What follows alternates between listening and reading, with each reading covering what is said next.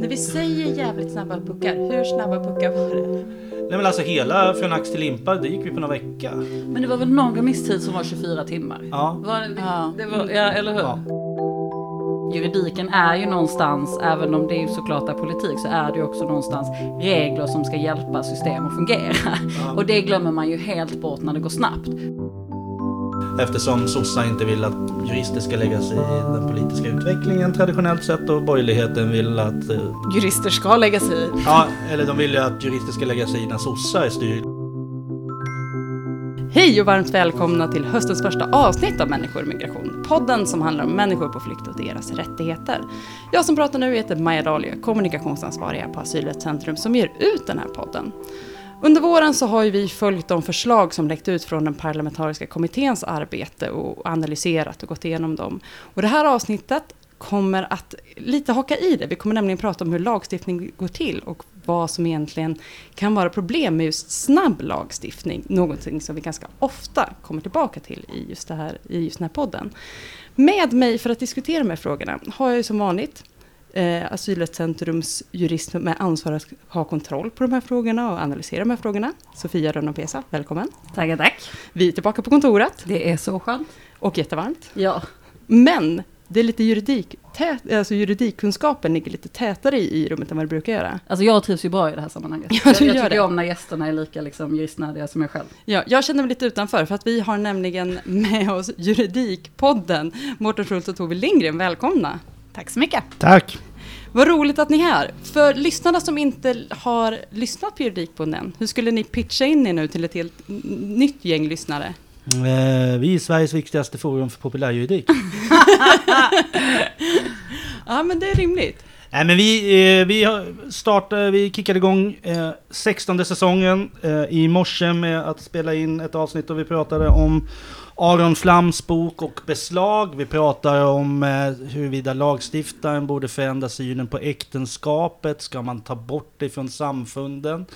Vi pratade om eh, soffan i rasthallen med eleven som fick ett nackdrag ifrån sin lärare och sen ville ha skadestånd hela vägen upp i Högsta domstolen. Och han förlorade och HD dömde rätt men de kunde ha dömt precis motsatsen också. Och det hade också varit rätt. Och det här var ett avsnitt. Mm.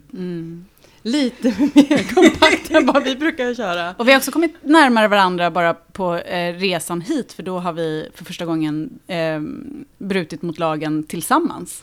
Ja, vi har cyklat tillsammans hit och, och eh, det var en resa. Fy fan vad Tove... Jag skulle vilja säga kan cykla, men jag väljer att säga cyklar. Jag hade, jag hade förberett Mårten, för det är så här, eh, dels betraktar jag mm, trafikregler mer som förslag än någonting annat.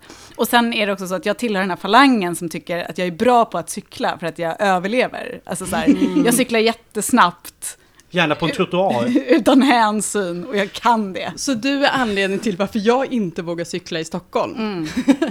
Ja, för det, jag, jag fick ju liksom erkänna det, för jag sa det till Tove också, att eh, man brukar klaga på cyklister i innerstan. Så här, bilister brukar alltid klaga på cyklister, att de är farliga. Så brukar jag alltid säga, nej det är ni bilister som är farliga.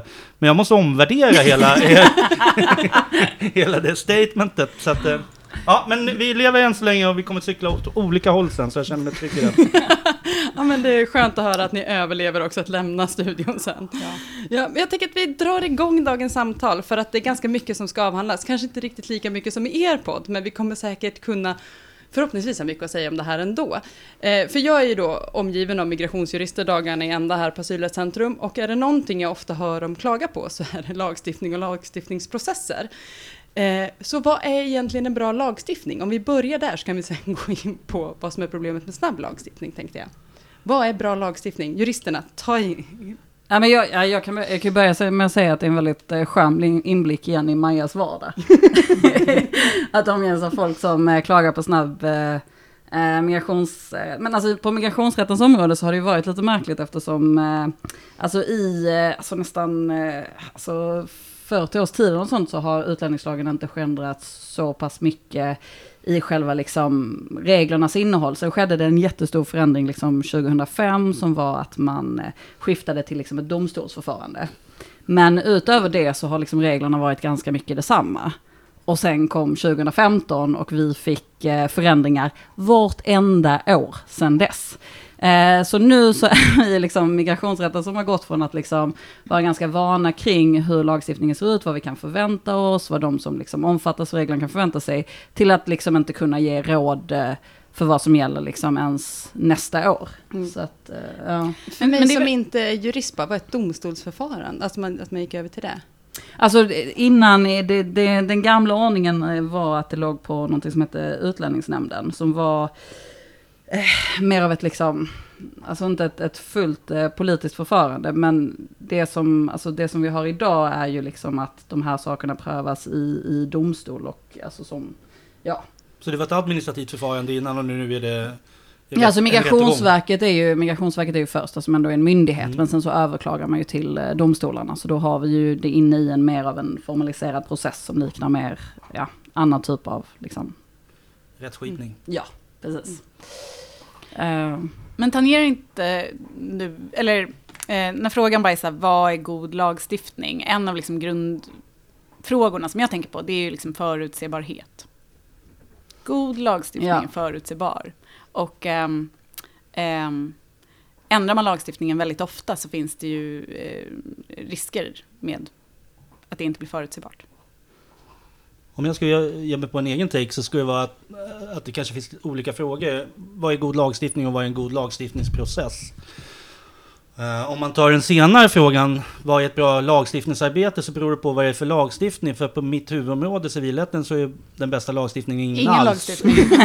Det vill säga att politikerna håller sig borta och domstolarna sätter upp reglerna vartefter. Men så är det ju naturligtvis inte på migrationsrätten eller straffrätten eller skatterättens område. Och där är det ju precis som Tove, där håller jag helt med. att Förutsägbarheten är en central faktor. Lika, att, att det finns någon slags lika behandlingsprincip bakom regeln så att det inte i praktiken är inbyggd bias i regeln eller så jäv. Eh, och lite andra sådana saker. Men förutsägbarheten är ju en, en nyckelfaktor. Den ska väl vara så här generell. Ja, Alltså, det, brukar vi ofta tycka om offentlig rätt, att det är bra om den inte bara handlar om Mårten Schultz. För då är, vare, sig det, vare sig det är till fördel eller till nackdel för Okej, Schultz. jag förstår att jag kanske är lite så här väl basic. Men, men det tror jag inte. men nej, men det är Okej. precis vad vi Men det är de här sakerna jag tänker så här. Det ska vara förutsägbart, det ska vara generellt. Men det har ju inte alltid sett ut så. Det har inte alltid varit så generellt eh, som, som det är idag. Ehm, om, om man går tillbaka x antal år i tiden så var, så var det ju mer vanligt med liksom kasuistisk lagstiftning. Alltså sånt som mer var så här. Eh, om du har två kossor och så vidare. Jag kommer inte på något exempel faktiskt. Nej. Jag levde inte då, men Mårten gjorde det. så du kanske kan berätta mer om. På din Ja, precis. Och låt mig då kasta mig in din fullständigt svepande generalisering om hur det såg ut förr. och, försöka, och, försöka, och försöka få fram någonting av juridiskt värde i den generaliseringen. Du som var med förr. Det är så bra stämning. Men var frågan om vad som är god lagstiftning eller vad som är ett, gott, ett bra lagstiftningsarbete? Liksom? Jag, vet, jag tänker att vi kan komma till Ja, mm. lagstiftningsarbetet om vi börjar med, eller det kanske är att det inte går att dela upp. Jo, det går nog. Man kan, man kan nog ändå värdera en lagstiftning utifrån hur den, hur den är liksom, i, i grund och botten på, på uh, pappret. Och så ska den, den, alltså god lagstiftning, det finns må, många andra aspekter av den som inte är, är liksom på samma principnivå. Den ska vara begriplig. Det är liksom så att den ska gå att läsa. Man ska kunna helst läsa så mycket som möjligt i isolering utan att behöva köpa in några tjänster någonstans. Det har ju varit en grej som Högsta domstolen de senaste tio åren har, inte så lång tid, kanske sju, åtta år, har eh, på olika sätt reagerat på när det finns kompletterande normkällor utanför lagstiftningen som man behöver känna till för att veta vad lagen egentligen gör. Till exempel ISO-standarder eller någonting sånt där. Människor ska inte, kanske allra viktigast på straffrättens område, människor ska inte behöva köpa in kunskap från någon jävla kontrollorganisation för att veta om det är lagligt eller olagligt att göra någonting med sin laserpistol för att ta eh, en typ av fall som återkommit. Så att det, det finns väl många, liksom, det är väl en komplex fråga. Men förutsägbarheten är ju central.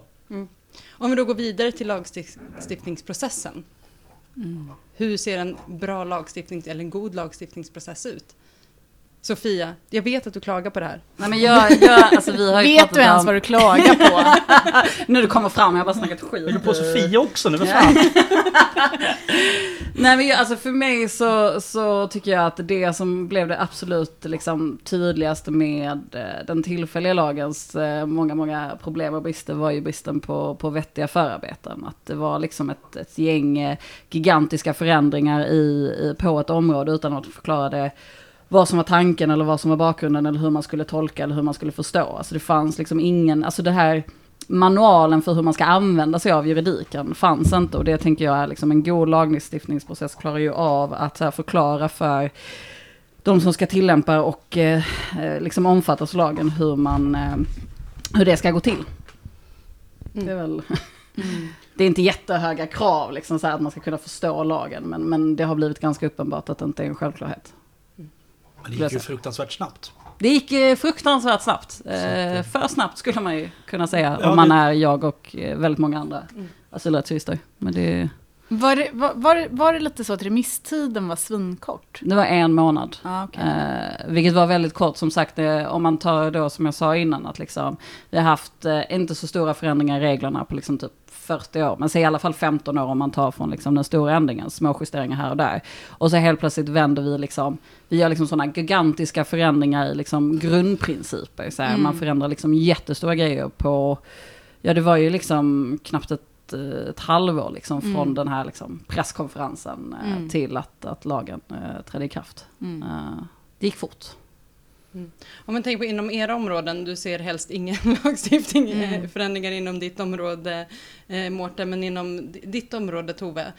Samma, ser- det är samma, sak. Det är samma sak, det låter Vi bra. jobbar delvis med samma område. Ja, ja, ja, ja. Då Men om vi ska ta, jag jobbar ju med andra frågor. Jag jobbar ju lite, och du och jag har ju tidigare mötts i sådana sammanhang Maja, med liksom straffrätt och internet och sådana frågor.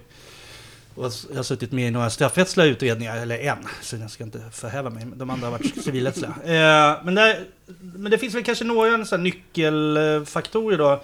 Sofia är ju egentligen inne på några av det. det ett, gott lagstift, eller ett bra lagstiftningsarbete måste få ta tid. Eh, tid för eftertanke, tid för skrivning, tid för Eh, Och, eh, och inte minst då, det är ju någonting som svenska jurister men också statsvetare och andra ofta brukar framhålla som någonting väldigt fint i vår svenska eh, byråkratitradition, nämligen ordentligt med remiss, med ett ordentligt remissförfarande som Mm. får ta den tid det behöver, där Mm. alla kloka tankar samlas ihop.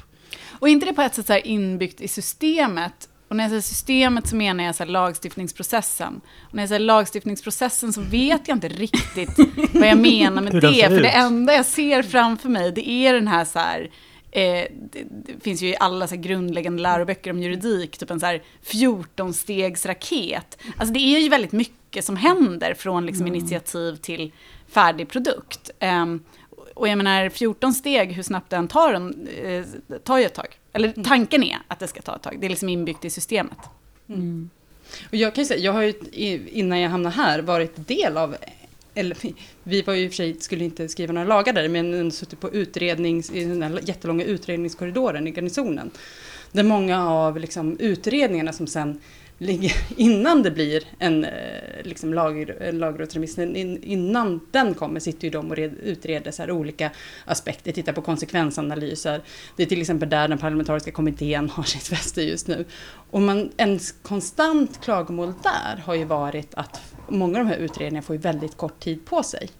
Mm. Och det är liksom grunden, om vi nu pratar om en god lagstiftningsprocess, att här, Mm. man ska först utreda en massa olika delar där man tittar på olika konsekvensanalyser och olika förslag och hur ser det ut i andra länder, vad måste vi ta i beaktning?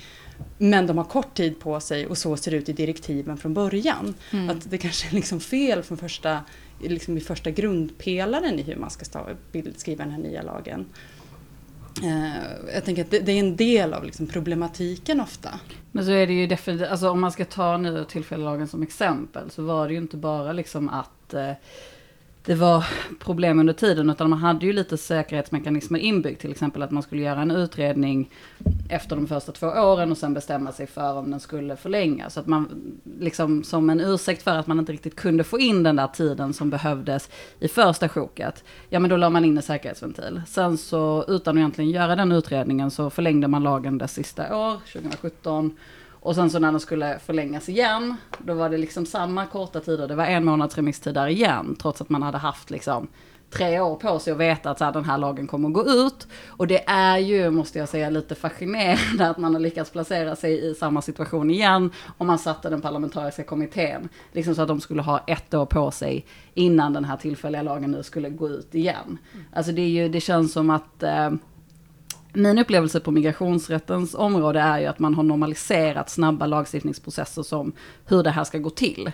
Jag vet inte, tror ni att det finns någonting i liksom, finns det något liknande just i, i andra områden? Att man ser att det blir snabbare och snabbare eller är det vi som får eh, sämsta, sämsta versionerna här? Det är en bra fråga. Jag, jag, jag sitter som expert i en utredning nu och vi har ju fått ganska kort om tid, men inte så kort om tid. Men det är också en fråga som delvis är lite politiskt känslig. Migrationsutredningarna tror jag är lite speciella för att förutom att politikerna antingen A. Känner att det är bråttom eller B. Snabbt vill hosta hem poäng för att man har gjort någonting. Så finns det också utöver det en verklighet som gör att lagstiftningsprocessen behöver ske betydligt mycket mer skyndsamt än om man ska reformera skulderbedslagen. Så är det ju. Eh, men den jag sitter med i nu bara som en parallell, pratar jag om mig själv då. Men det, men, det, men det kanske kan vara lite en intressant parallell. Jag sitter med i den här kränkningsutredningen som bland annat ska utreda en fråga som har varit ganska het i medierna, nämligen om polisers rätt till kränkningsersättning när de utsätts för brott i tjänsten. Och inte bara polis, utan ambulanspersonal och sådär. Så här finns det också ett politiskt intresse och så, men vi har ju ändå, den har ju, det, det, det är ju snabb, det är ju snabbare puckar än vad det varit varit i vissa andra utredningar som jag har suttit med i. Men, men det är ändå inte liksom löjligt lite tid. Och eh, vi, vi, utredaren hade lite svårt att komma igång. Eh, vilket delvis hängde ihop med Corona och så. Så att det, det var ju några månader där, där inte och, och vart fall vi experter inte var inblandade alls innan det kom igång. Och jag tror ändå vi alla upplever att det här är klart görbart på den tiden som vi har fått mm. till vårt förfogande, eller som utredaren. Så att, jag, så att jag, jag tror inte det är lika illa överallt, eller, eller det är inte lika illa överallt. Men det är väl intressant, det är väl migrationsrätten och sen så är det väl nu då alla de här hårdare taggrejerna som, som man snabbt vill ha ut. Uh, unga lagöverträdare, skärpa straff för olika saker, öka polisens möjligheter att ta, ja, vidta åtgärder av olika slag. Tror jag. Mm. Så jag jag tror inte det är så illa som man ibland kan få intryck av att, att vår fina svenska lagstiftningstradition där man låter en tanke landa ordentligt, att den är övergiven. Fullt så deppigt är det inte. Men, men Bara kan, på vårt område. ja, det, och det är mitt intryck också utan ja, att, att vara insatt. Ja. Alltså, de, de, alltså, det, det, så här, utredning, alltså lagförslag med ett par dagars remisstid, det är ju inte, mm. det är ju inte en... Det är, det är inte ju, värdigt. Det är liksom inte värdigt generellt sett. Nej. Framförallt inte med de stora förändringarna som gjordes just på vårt område. Att det blir liksom, ja. Men det är väl det är en intressant reflektion det där just att, eh, alltså jag, jag, tycker det blir väldigt intressant just med de mer politiskt eh, kopplade rättsområdena. Att liksom, just att eh, gången från ord till handling måste vara så mycket tydligare, precis som du beskriver. Att det blir alltså den, den upplevelsen folk ska ha om att det går liksom snabbt. Det är ju någonting som man i många andra fall egentligen ser som någonting negativt, men här blir det liksom att man är handlingskraftig. Uh, och särskilt tänker jag mig om man säger att eh, sosseregeringen nu skulle tillsätta en ny utredning om, något, om, ett, ja, om ett tag som inte blir klar förrän mm. eh, efter valet och man kanske förlorar valet. Jag har ingen aning om, jag, jag är ingen pandit så. Men då, tappar man ju, då tappar man ju hela det, liksom, sin, det kommunikativa värdet av att ja. vara handlingskraftig. För det, då kommer ju den nästa regering, oavsett hur den ser mm. ut, vara den som ja, antingen kan raka in. Ja, blir det bra och positivt då, kan man, då får man ju fördelen det. Blir den mottagen med avsky då kan man säga att det var de ja. som gjorde det, som tillsatte mm. med för dåliga direktiv. Mm. Finns det fler områden när ni känner, nu är vi ändå inne lite grann på det, det, så här, det, har, det finns ändå vissa rättsområden där man också har ganska snabba lagstiftningsprocesser. Känner ni till någon annan där det har varit gått snabbt? Och liksom vad konsekvenserna har blivit? Har det varit bra? Har det varit dåligt? Finns det aktörer som har hamnat i kläm? Kanske lite ledande fråga. Tomer, är det någonting du tänker på i um, Mer än att det har gått så himla snabbt så tänker jag på de här eh, politiska liksom, implikationerna. När barnkonventionen skulle bli svensk lag, då var det ju lite så. Dels eh, kanske direktiven, eller direktiven var utformade på ett sätt som vissa experter tyckte redan från början var liksom dåliga, för att de utgick ifrån att barnkonventionen skulle bli svensk lag istället för att utreda frågan mer liksom förutsättningslöst och sådär. Och sen så eh, blev det eh, ny regering och då så ändrade man om de där direktiven och de ändrades om många gånger innan man hade någon färdig produkt och då och, sen så tryckte man ju igenom det så att det blev lagstiftning av det också.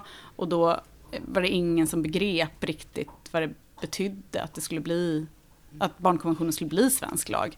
Eh, och, och det and, eller, Europakonventionen eh, blev ju svensk lag och där var det mycket, mm, där fanns det ju en idé om hur det skulle fungera. Eh, och med barnkonventionen fanns det väl några olika idéer och man visste inte riktigt. Och man vet fortfarande inte eh, riktigt.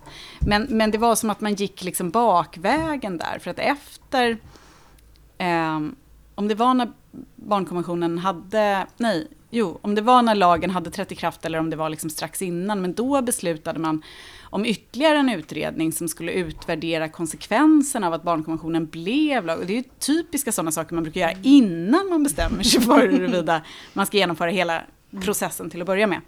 Eh, så det, det, det, är väl lite liknande, även om processen i och för sig inte var så våldsamt snabb, snabb men det fanns ju verkligen politiska eh, toner i liksom det lagstiftningsarbetet. Och när det gäller det lagstiftningsarbetet så ser ju vi här att det har funnits jättestora förhoppningar på vad det kommer innebära på migrationsområdet. Eh, Sofia, har de infriats?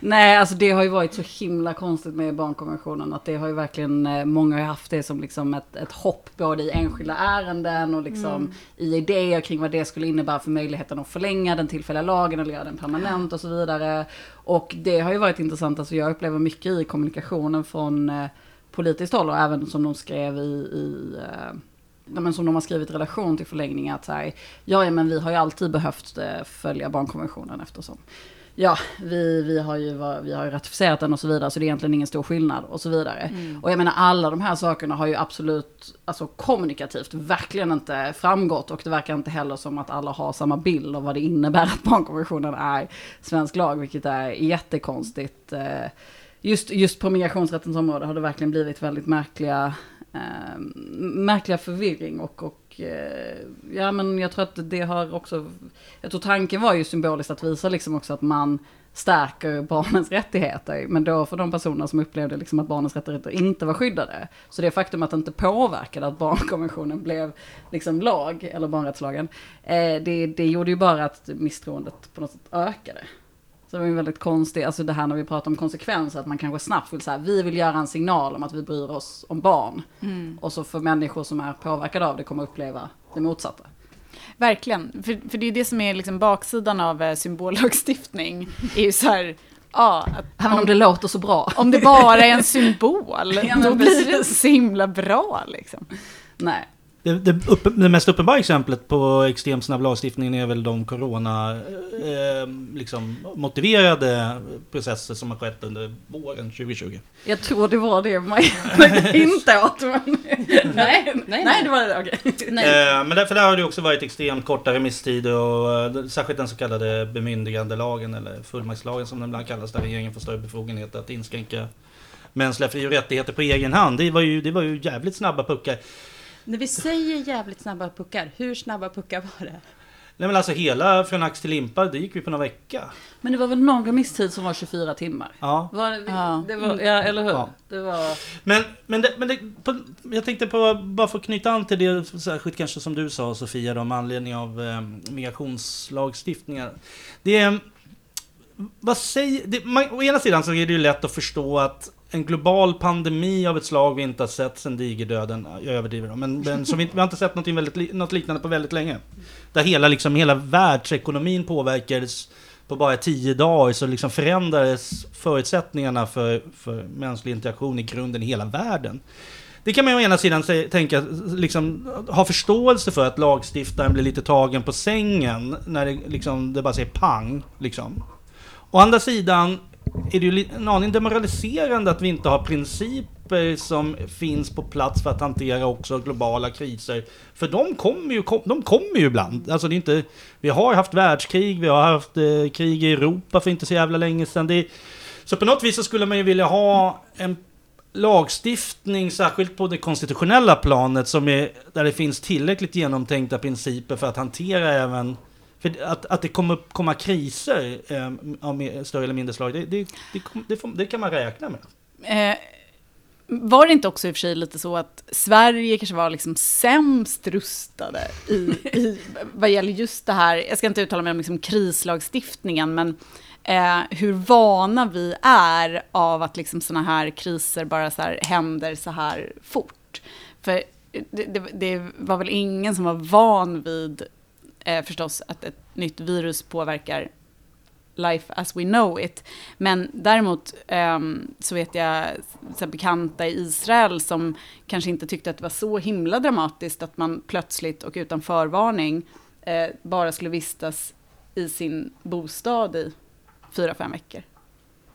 Så, så det mm. finns ju liksom skillnader tror jag, tror jag även där, även om liksom coronapandemin är eh, förstås unprecedented. Liksom.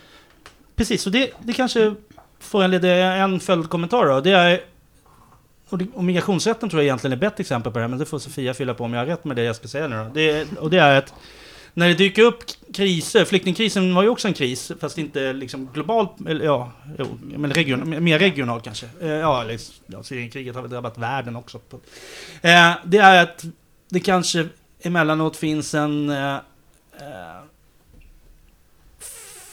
svaghet att våga stå upp för de principer som bygger upp det system vi har. För det svenska, för Tove säger att, det, att vi är sällsynt dåligt, att vi är sällsynt dåligt rustade. Ja, jag vet inte fan. Alltså det, alltså regerings... Sällsynt ovana då? Ja, kanske. För regeringsformen har ju ändå konstruerats, alltså konstitutionen har ju konstruerats för, för att kunna hantera kriser på ett sätt där man inte tillåter lockdowns i hela Sverige. Det, det har man ju tänkt på. Och mm. vi vill inte ha det. Vi mm. vill inte ge den makten till staten att kunna sätta hela landet i karantän. Det, det, det har man ju tänkt på. Det är en princip. Eh, och nu så är det på, på, något vis som att ingen vågar backa upp den principen. Samma gäller på migrationsområdet. Det, det fanns ju principer långt innan flyktingkrisen. Det var bara det att man, politikerna inte vågade stå upp för de principerna. Eller, eller att de ville ändra på principerna. Men då får man väl det, det, det, tycker jag inte är ett argument i sig att, det ska gå, att man ska göra det så jävla fort i så fall.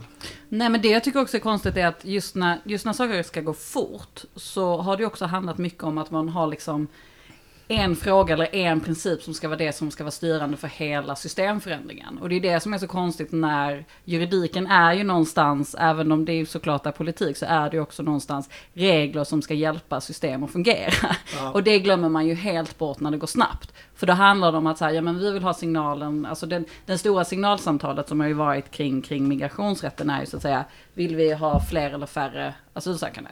Liksom. Men den stora, det finns ju jättemånga frågor kring liksom så här, hur ska systemet fungera? Hur ska liksom själva eh, bedömningarna göras? Vad ska vi göra för avvägning och så vidare? Och allt det hamnar ju i skymundan när liksom man på ett, på ett halvår ska försöka lösa någonting som egentligen bara syftar till att lösa den här liksom mer perifera, fråga, perifera frågan egentligen. Det är det som blir väldigt konstigt att man så här gör om liksom ett helt system till att bara handla om, om signal eller princip. Liksom. Mm. Vi var inne på liksom just prata om remissinstanserna och, och lite grann den så korta tiden som, vi, som det har varit i några av de här riktigt snabba processerna, ibland så kort som 24 timmar. Jag tror eh, re, liksom, rekordet inom migrationslagstiftningen var de 48 timmar när man fick, när det kom till gränskontrollerna. Men, men en annan del är ju att det, det kommer ju ganska mycket kritik ofta från remissinstanser. Eh, I de här snabba processerna har man då möjlighet att ta in den kritiken.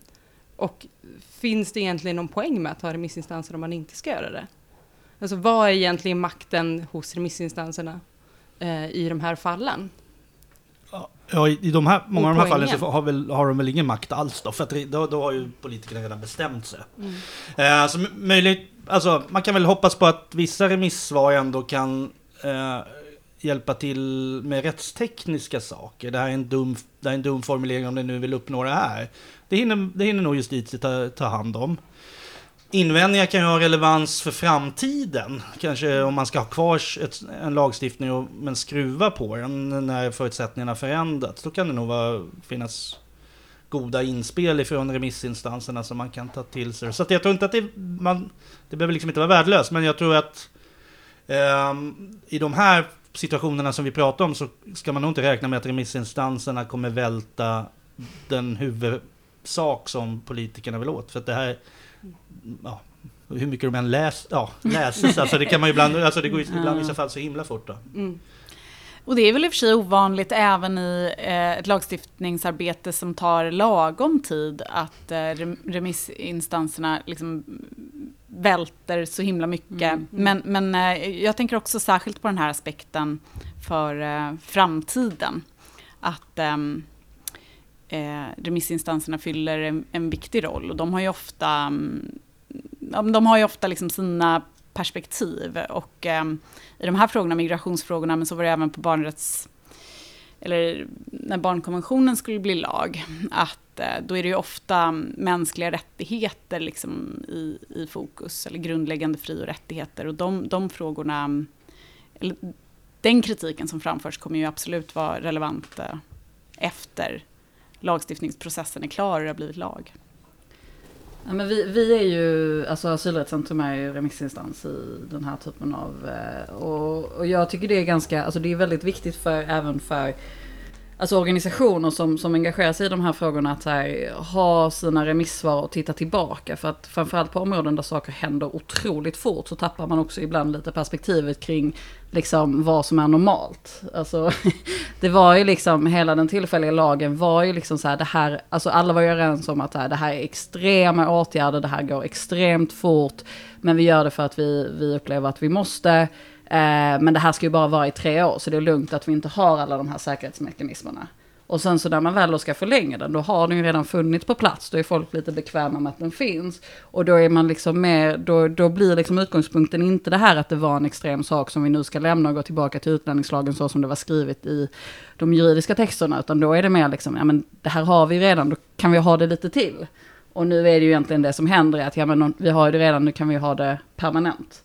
Eh, så det finns ju också att det blir ett viktigt liksom, historiskt dokument, att man kommer ihåg vad var det egentligen vi, man kritiserade då, liksom, när, när det väl var. Det var smart. För så är det ju. Det, det, det, det är bara så här, ja, fan.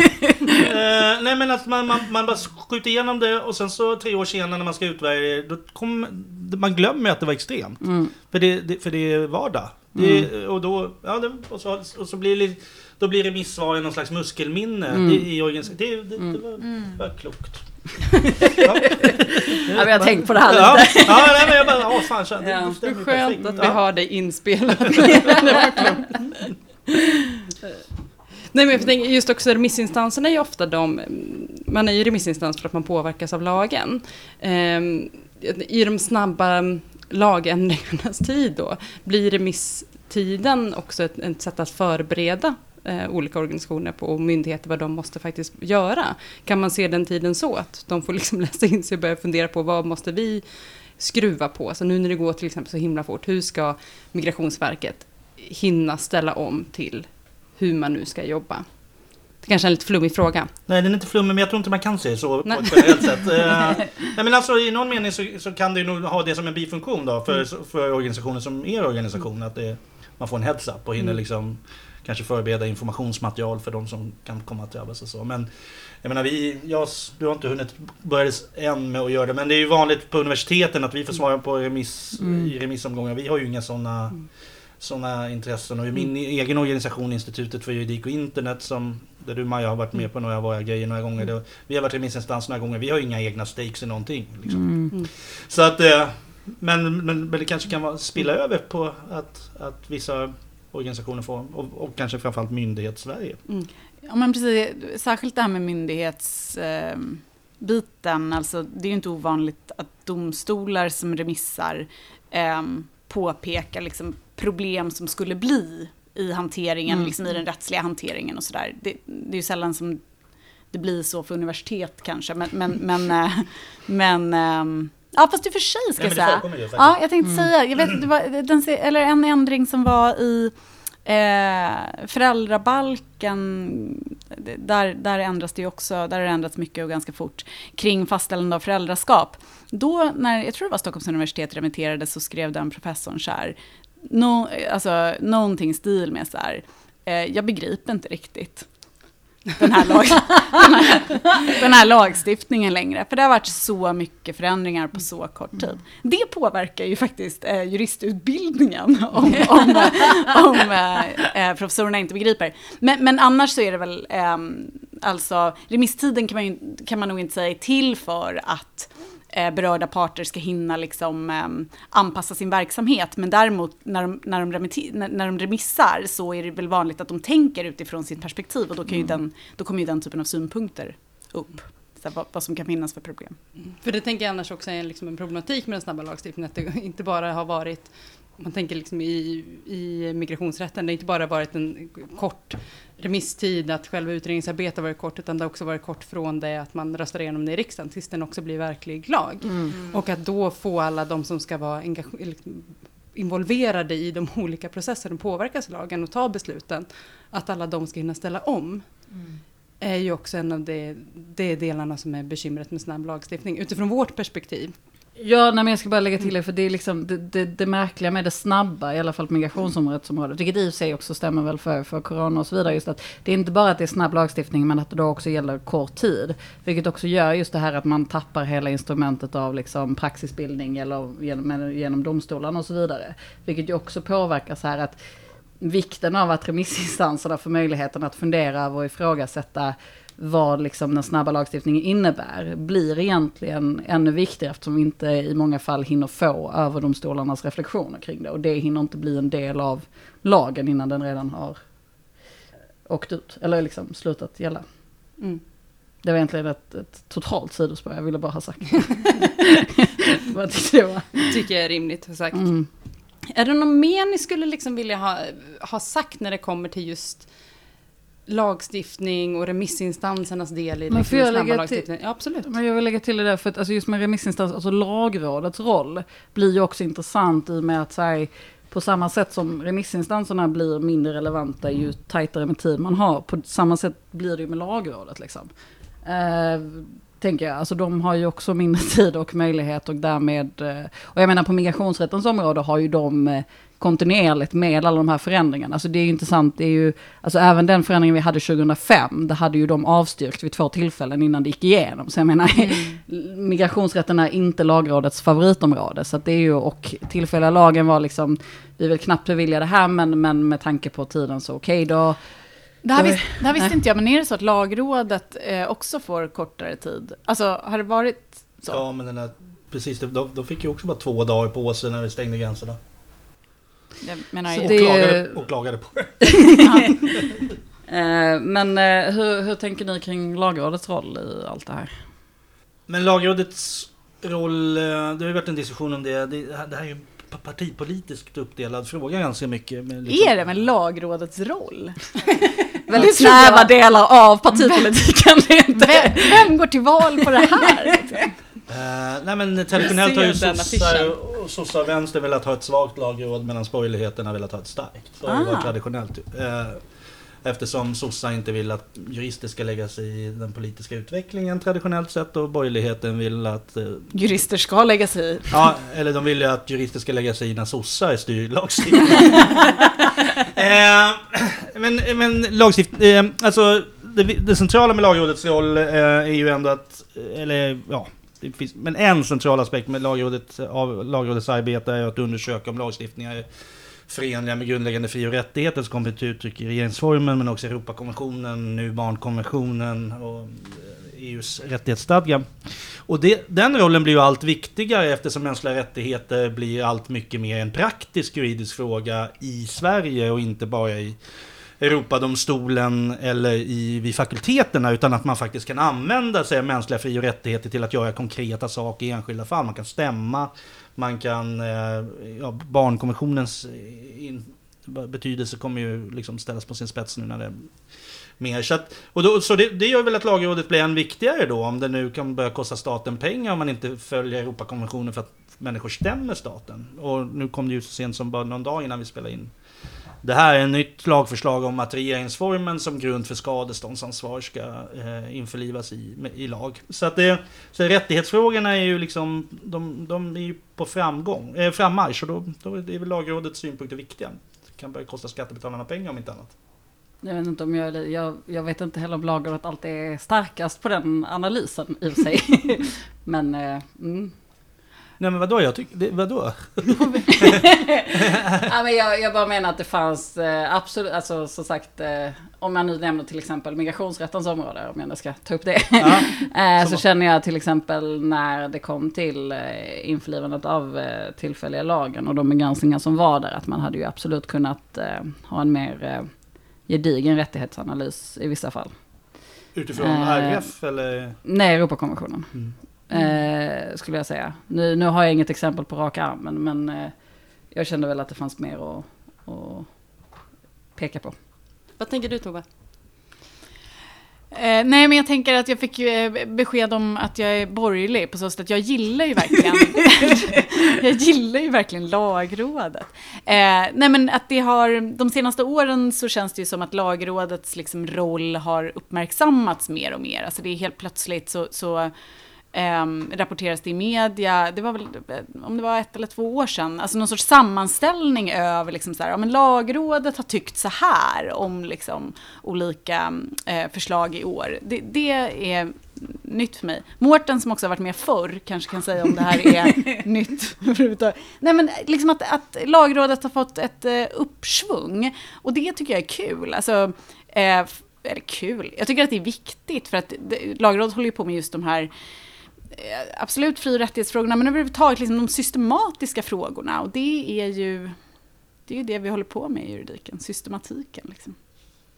Ska ni lyssna på Juridikpoddens avsnitt Varför får lagrådet så lite skit? Ja, just det. Just det, Skönt att jag gav lite skit nu. Ja. jämnade ut lite. Men jag tror i sig att lagrådet är mer on top of mind på, hos folk eh, idag än för 20 år sedan, 30 år sedan. Mm. Som inte mm. jag var jurist då. Men och, med fo folk så menar vi kanske inte vanligt folk utan Nej, men jag, tänk, men, jag, men jag tänker ju liksom mer än uh, liksom, the pundits, de som är involverade i det här samtalet, alltså politiker, mm, mm. journalister, så, folk som har syn, punkter på hur samhället ska funka. Mm. Men jag förstår ju att liksom den genomsnittliga åttaåriga eh, liksom, skoleleven inte har så stark Är det alla andra då? Ja, de som var, inte liksom det var, har det var, det var mitt exempel på allmänheten. Åttaåringar. Ja. Mm. Nej, men det är också vårt mål, det att åttaåringar ska hänga med i migrationsrätten. Mm. Jag, jag, tänker ändå liksom som en, som en avrundande fråga kring de här eh, delarna är ju att alltså, nu, nu vet vi att eh, den, parlamentariska, den parlamentariska kommittén kommer lämna sitt betänkande. Eh, det, man är inte jätteöverens om det. De vi gissar 15 september. Det är vi gissar 15 september. Vi vet inte exakt, men nej. än så länge. Ja, så kommer den publiceras. Eh, men att man kommer då lämna ett, ett liksom gäng förslag som eh, man inte är överens om. Mm. Men där Morgan Johansson har sagt att man eh, ska skicka ut det på remiss. Eh, förslagen. Ehm, går det, alltså om, vi tittar på de här premisserna som har varit för just liksom den parlamentariska kommittén. Vi vet att de har hållit på ett år, de har förhandlat, man har inte kommit fram till ett, liksom, ett gemensamt förslag. Kan man se att det som nu kommer komma ut av det här, kommer det vara rättssäkert? Vår ständiga fråga. Du kan få börja. Alltså Sofia, jag, jag, jag är ju säga. extremt orolig för att det här förslaget just inte har en liksom eh, enig majoritet i det att vi har liksom val om två år och att migrationsrätt är definitivt en fråga som eh, folk eh, bryr sig om i valtider. Vilket gör att eh, om det inte finns en, en liksom enig majoritet så finns det en risk då att vad som än kommer landa av det här kommer rivas upp efter att vi har, liksom efter ett val, beroende på liksom hur, hur liksom siffrorna blir och sådär. Och det är ju liksom, om det är någonting vi har skrikit om sedan liksom tillfälliga lagen är snälla ge oss lite förutsägbarhet. Jag vill bara gå ett år utan att det kommer någon typ av förändring i lagstiftningen. Jag kan få liksom ett år. Fler helst. Men liksom, men eh, utifrån det så är det ju ganska liksom oroande. Samtidigt så fattar man ju att det här är ett område som, som väcker känslor, att det, det är svårt liksom. Men, men eh, utan en, en, en förutsägbarhet så, så tycker jag att det är svårt att liksom helt känna sig trygg med att det kommer att bli ett, en, en stabil rättssäker nivå på det här, alltså, tyvärr. Ni då som inte ser, har migrationsrätten som er expertisområde, känner ni igen om ni har liksom pusselbitar nu hur det har sett ut nu? Vad tänker ni? Men alltså, två synpunkter på det då. För någon som som jag är lagom intresserad av migrationsrätt eller liksom följer migrationspolitiska debatten kanske mer än migrationsrättsliga debatten så är, är väl min liksom uppfatt, eller så här, min förståelse att det är fullständigt omöjligt att tänka sig att man skulle få en parlamentarisk kommitté att vara enig i en migrationsfråga. Mm. Så som, jag menar vi har ju ett parti som är, har antimigration som i sitt DNA. Liksom. Mm. Eh, och vi har parti, andra partier som är betydligt mycket mer välvilligt inställda till en generös migrationspolitik. Så att, det, att, att, man inte får ihop den parlamentariska gruppen, det, det, Alltså jag hade, jag hade, det hade väl varit en helt fantastisk prestation om man har lyckats sy ihop en enig parlamentarisk grupp. Eh, så det är väl det ena. Eh, det andra är att, att parlamentarikerna inte är eniga, och det är de ju sällan, i, en- i en fråga. Det tror jag inte i sig behöver påverka förutsägbarheten, utan det är väl så att att det har varit trubbel i utredningsarbetet så tillvida att det har funnits olika uppfattningar, det tror jag inte behöver påverka kvaliteten på lagstiftningen i sig, utan det är nog snarare, det kanske det har gjort, vad vet jag, men det, det behöver inte vara så, men det är väl nog snarare den, den grejen som Sofia pratade om då, att eh, eh, man vågar inte förlita sig på att den överenskommelse eller den, den lagstiftningsprodukt som kommer ur det här arbetet kommer att gälla så länge eftersom det, saker kommer förändras efter nästa val. På ett eller annat sätt kommer det väl förändras. Eh, Även om sossarna kanske håller sig kvar vid makten en, en period till så är det inte alls säkert att Miljöpartiet är med och då kanske i regeringen, och, eller så kanske de är det, vad vet jag. Eller så kanske de är tillsammans med LOC. Det finns ju jättemånga, det är ju, vi har ju så mycket, en helt annan öppen parlamentarisk situation igen och oavsett hur det vrids på efter nästa val så är det väl inte otroligt att man kommer vilja göra ett nytt tag igen och då får ni sitta och skriva om era instruktioner ytterligare en gång. Så att det, jag, jag, jag, är förs- jag har full sympati för oron. Som en sista fråga som vi brukar ha här i podden, eh, som vi egentligen har kommit fram till, det är ja, eh, att det finns ju andra saker än migrationsrätt att diskutera och jag tänker att ni säkert också diskuterar andra saker som är liksom nu så här det heta inom era områden. Vad är helt enkelt den stora frågan som ni diskuterar vid era kaffeautomater just nu? Jag vet att det är corona och ingen har kaffeautomater, men vi låtsas att vi har kaffeautomater. Era fiktiva Era kaffeautomater. fiktiva kaffeautomater, vad är det ni diskuterar? Vad är det, vad är det som är hett just nu?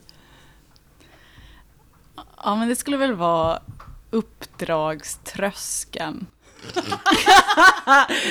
Tove sitter ensam vid sin kaffeautomat eh, och där sitter hon och med sig själv pratar om uppdrag. Jag har aldrig, jag har aldrig känt mig så nollställd när någon har sagt ett ord. Vad betyder ens det? Nej, men så här, Du behöver inte utveckla det Tove. Ju själv hur Du kan- kanske fortfarande har en lyssnare kvar. Ja, det är så hemskt. Nej, men så här, när, för, när föreligger ett uppdragsavtal? Vad, vad ska till? Vilka omständigheter eh, ska till? Typ. Det är en fråga som jag funderar på mycket just nu. Och särskilt då i relation mellan parter som är närstående varandra. Hjälpte det dig Maja? Känner du att du är med på tåget? Kanske med lite Ja. med på tåg, men jag känner att jag inte vill dela kaffeautomat med Tove. Ja, nej. Ingen ska behöva göra det. Så är det. Men om man ser på vilka frågor som juristernas kaffeautomater eh, utanför migrationsrätten så är det väl mycket de här straffrätts, alltså påföljdsreformer. Det är samma som i den politiska debatten, det är väl ganska heta ämnen runt om. Även vi som är på, både jag och Tove är ju knutna till något som heter Centret för kommersiell rätt, där nästan alla har civilrätten som huvudämne liksom, eller huvudsysselsättning. Och även där så blir det ju mycket, det blir de heta frågorna. Det är fri och rättighetsfrågor, det är yttrandefrihetsfrågor blir ju ofta, jag menar så Aron Flam-saken till exempel som vi pratade om i Juridikpodden i morse. Och det är ju en sån sak som många är intresserade av. För det är ju, Ja, Sofia, vad, vad, är det du går igång på just nu? Jo, men så här, jo, en sak, eh, inte superkul eh, så, men jag tror att vi diskuterar en hel del hur corona påverkar i, alltså verkställighet och så vidare. Alltså just eh, om människor kan eh, utvisas eller komma hit och hur det påverkar. Och att det är lite oklart liksom i, eh, i liksom bara i de praktiska frågorna kring hur det här påverkar det. Så att eh, det är en sån där eh, fråga vi diskuterar. Mm. Och, och kommittén såklart. Allt som har med politiken att göra. Ja. Jag tänker att det, det är där vi alltid hamnar någonstans med kommittén. Mm. Vad är du då Maja? Jo, men en sak som, som jag har diskuterat, som kanske låter lite konstig, det är att jag saknar tiden då Eskil Erlandsson stod och förklarade saker. Det här, det här är en konstig tanke, ni får vara med mig längs vägen. Är det Ingen är med dig här, alla backar är det här någon tidelagsreferens Maja? Precis, Mm. precis. Så att, För att eh, är det, det är nu vi får tillbaka följarna. Det här är liksom... Ja, precis, du vill ha med tidelaget för att få tillbaka dina, dina lyssnare? Ja. Ja. nej, men, nej, men så här, jag tänkte på det här om dagen att. Just i migrationspolitiken, hör du tjej? Just i migrationspolitiken så är det just nu så här förklaringen av de här förslagen saknas helt och hållet i debatten. Att man hela tiden bara pratar om vilka liksom partier som skulle kunna gå med på vilka förslag, men så här, vad förslagen faktiskt innebär. och vilka konsekvenser de kan få diskuteras inte. Och då kommer jag att tänka på när Eskil Erlandsson stod i riksdagen och pratade om just tidelagslagstiftningen och varför de tyckte det var en dålig idé. Och beskrev konsekvenserna av det här. Vi, Eh, vi sen- minns tror jag. Jag Vi, tror, jag tror att många minns, och i annat jag- fall så kan man gå in på YouTube och googla Eskil Erlandsson tidelag. Det, det är ett väldigt... Det, han tar tid på sig och han Använd gärna inkognito-fliken i din webbläsare när du gör det. Och det är hemskt! Det är också roligt att hans, hans politiska gärning överlevde det här, men den dog ju sen. Det, ja, men Det här är exakt förstod- hit jag trodde att eh, podden skulle gå idag. Det är Nej, exakt det här jag trodde skulle hända. Att det någonstans jag saknade den varmt. tiden när man förstod. Man förstod vad det var de, de liksom var på väg för att de tog sig tid att förklara. Men nu pratar vi, absolut att det aldrig har varit så i alla politiska frågor och att det ofta pratar om, om spel överhuvudtaget. Men jag saknar den diskussionen i i, migrationsrätten. Att någon står och tar sig den tiden och förklarar konsekvenserna alla Eskil Erlandsson-vis långsamt eh, i riksdagsstolen. Det, det har jag tänkt på mycket och det jag pratat med mig själv om i min kaffeautomat. Det är därför Din också- kaffeautomat är extremt fiktiv ska jag säga. Det, det är inte, den har varit väldigt isolerad. Det är därför jag också får sitta själv Tova. Jag förstår. Har Eskil Erlandsson lämnat ett uppdrag till hunden? Är det kanske många som frågar sig. Men det här illustrerar ju också varför det är bra med meningsutbyten. För när Maja står där i sin ensamma kaffeautomat så blir det tidelag som är kvar. Men, men sånt här rensas ju bort om man prövar sina idéer mot andra. Det här är de oanade konsekvenserna av corona som liksom Ja. ingen pratar om. Nej, det är sant. Det Nej. är därför vi måste öppna upp kontoret igen. Ja. Men med det sagt så är det definitivt dags att avsluta dagens podd innan vi börjar prata om något annat som inte heller har med migrationsrätt att göra. Eh, tusen tack Mårten och Tove för att ni tog er tid att sitta här och prata snabb lagstiftning med oss. Det var jätteroligt. Tack för att vi fick komma. Vi kan säkert göra någon mer mashup någon gång ifall ni vill ha någon som kan migrationsrätt i er podd. Pitchar in lite så här. Ja. Tack Sofia. Jag vet inte riktigt hur jag ska pitcha in dig efter det här. Det behöver du inte. Eh, tack Sofia. och tack till er som har lyssnat. Nästa avsnitt kommer om ungefär en vecka och då ska vi nog prata Grekland. ja, det ska vi. Det kommer bli deppigt. Mm. Eh, ja, Som vi alltid utlovar någonstans. som vi alltid utlovar någonstans. Förutom idag i och för sig. Ja, kanske det minst deppiga avsnittet av podden. Mm, tack för det. Ja, eh, och vi hörs. Tack så mycket. Hej. Hej då!